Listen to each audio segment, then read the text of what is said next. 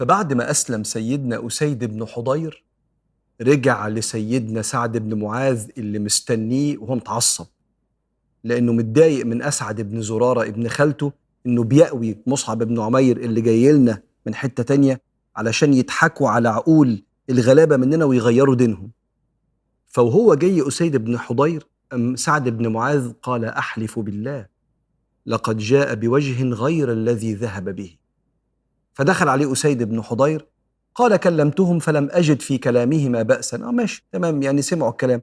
فقال لي إن أحببت كففنا عما تكره. أنا سبتهم وبيقولوا خلاص خلاص إحنا مش هنتكلم في موضوع الإسلام ده تاني. ولكن يا سعد بن معاذ لقد بلغني إن بني حارثة قبيلة تانية زي ما تكون معادية كده لبني عبد الأشهل اللي منها سعد بن معاذ. إن بني حارثة قد بلغني أنهم يريدوا أن يقتلوا أسعد بن زرارة لما علموا أنه ابن خالتك ليخفروك فيه. يخفروك يعني يغيظوك أو يعني يكيدوك. يبدو أن كان في طار أو حاجة شبه كده. فقام سعد بن معاذ غاضبا ليحمي ابن خالته حتة بقى فيها حمية للعيلة. فلما دخل سعد بن معاذ وهو جاي برضه أسعد بن زرارة أم قايل لمصعب بن عمير لقد جاءك سيد السادات.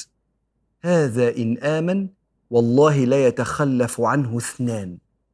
يعني لو آمن الكل مفيش اتنين كله هيؤمن مع بعضه. وهو داخل كده وقال له كده فاصدق الله فيه قول يا رب افتح بيني وبينه.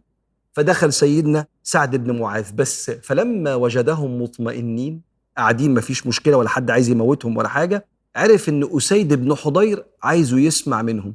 فدخل عليهم متشتما برضه بكلام فيه شيء من الأذية كده والإعتداء. أجئتونا في ديارنا لتسمعونا ما نكره؟ خلوا عنا ديارنا.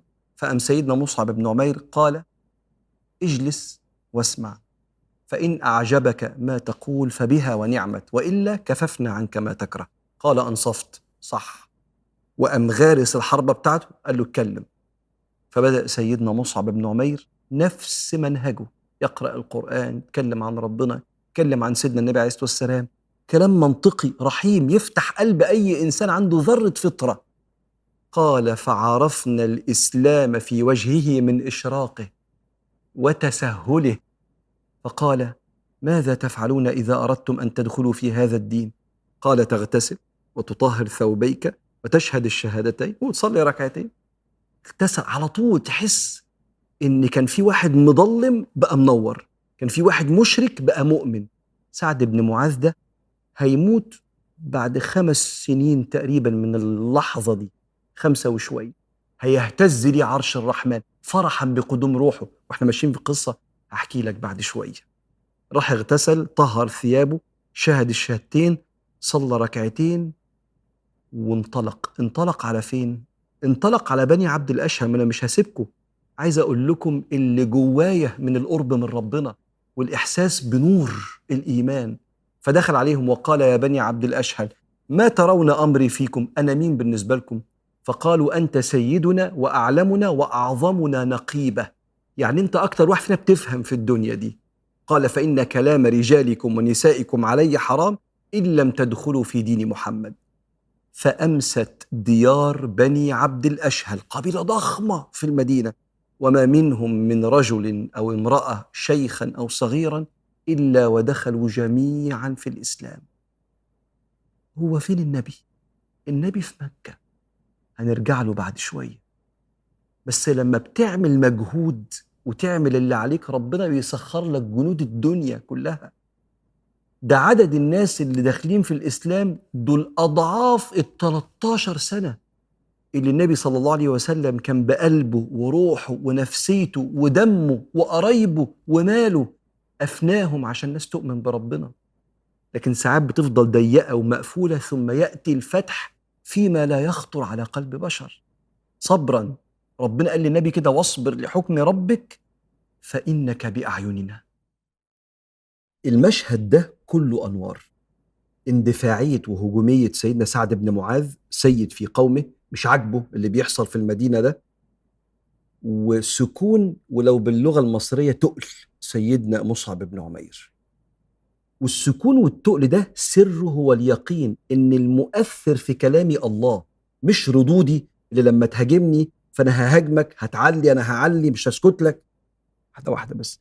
في بيوت كتير اتخربت مش عشان فيها مشاكل عشان وإحنا بنتناقش في مشاكلنا التافهة طريقتنا مزعجة جدا فلما يبقى واحد مندفع التاني يديله فوق دماغه.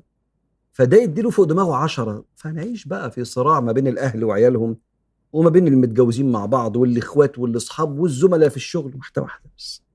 سيدنا سعد بن معاذ مندفع بيقول له إيه اللي أنت بتقوله ده؟ وعمال تضحك على السفهاء. اطلعوا بره تعبتونا في مكاننا. فسيدنا مصعب بن عمير بيقول اسمع مني. عجبك الكلام؟ تمام. ما عجبكش الكلام همشي. قال له تصدق عندك حق. أنت احترمت عقلي. احترمت عقلي وخيرتني. شايف التقل ده والسكون بتاع سيدنا مصعب لما نيجي نتناقش مع بعض وحد كده يقوم مندفع؟ لو سمحت حافظ على البيت. يا اللي اندفع عليك ده انت حافظ على البيت. انت هنا ارسى أو انت هنا ارسى وهدي وخلي التون بتاع النقاش بالعقل. أيوه بس انت مش عارف قال لي إيه؟ آه ما أنا عارف. ما هو بني آدم. بني آدم خطاء. وهنا اللي ربنا يقول لك في القرآن ادفع بالتي هي أحسن. فإذا الذي بينك وبينه عداوة كأنه ولي حميم. أنا مصدق ربنا في الآية دي. ان أنا لو فضلت ثابت وساكن في طريقة نقاشي البيت هيتصلح. والعيله هتتربى كويس. وأصحابي الهجوميين هيهدى. واحدة واحدة بس. وشوف ربك هيحبك قد إيه. لأنك أنت هنا نبوي محمدي. لأن ده حصل مع النبي قبل كده صلى الله عليه وسلم كتير في مكة. وكان سكونه صلى الله عليه وسلم سبب في هداية اللي قدامه. فالحقيقة مشهد محتاجينه في بيوتنا جدا ومحتاجينه للناس اللي بتتكلم عن ربنا. لما اللي قدامه يبقى مندفع ما يبقاش عايز يربيه بكلام لا. لو عايز تربي. الأول إحنا بنربي نفسنا اولا بس اللي عايز يربي يربي بالرحمة. مش بالاندفاع والدفاعية في مواجهة الشخص الهجومي.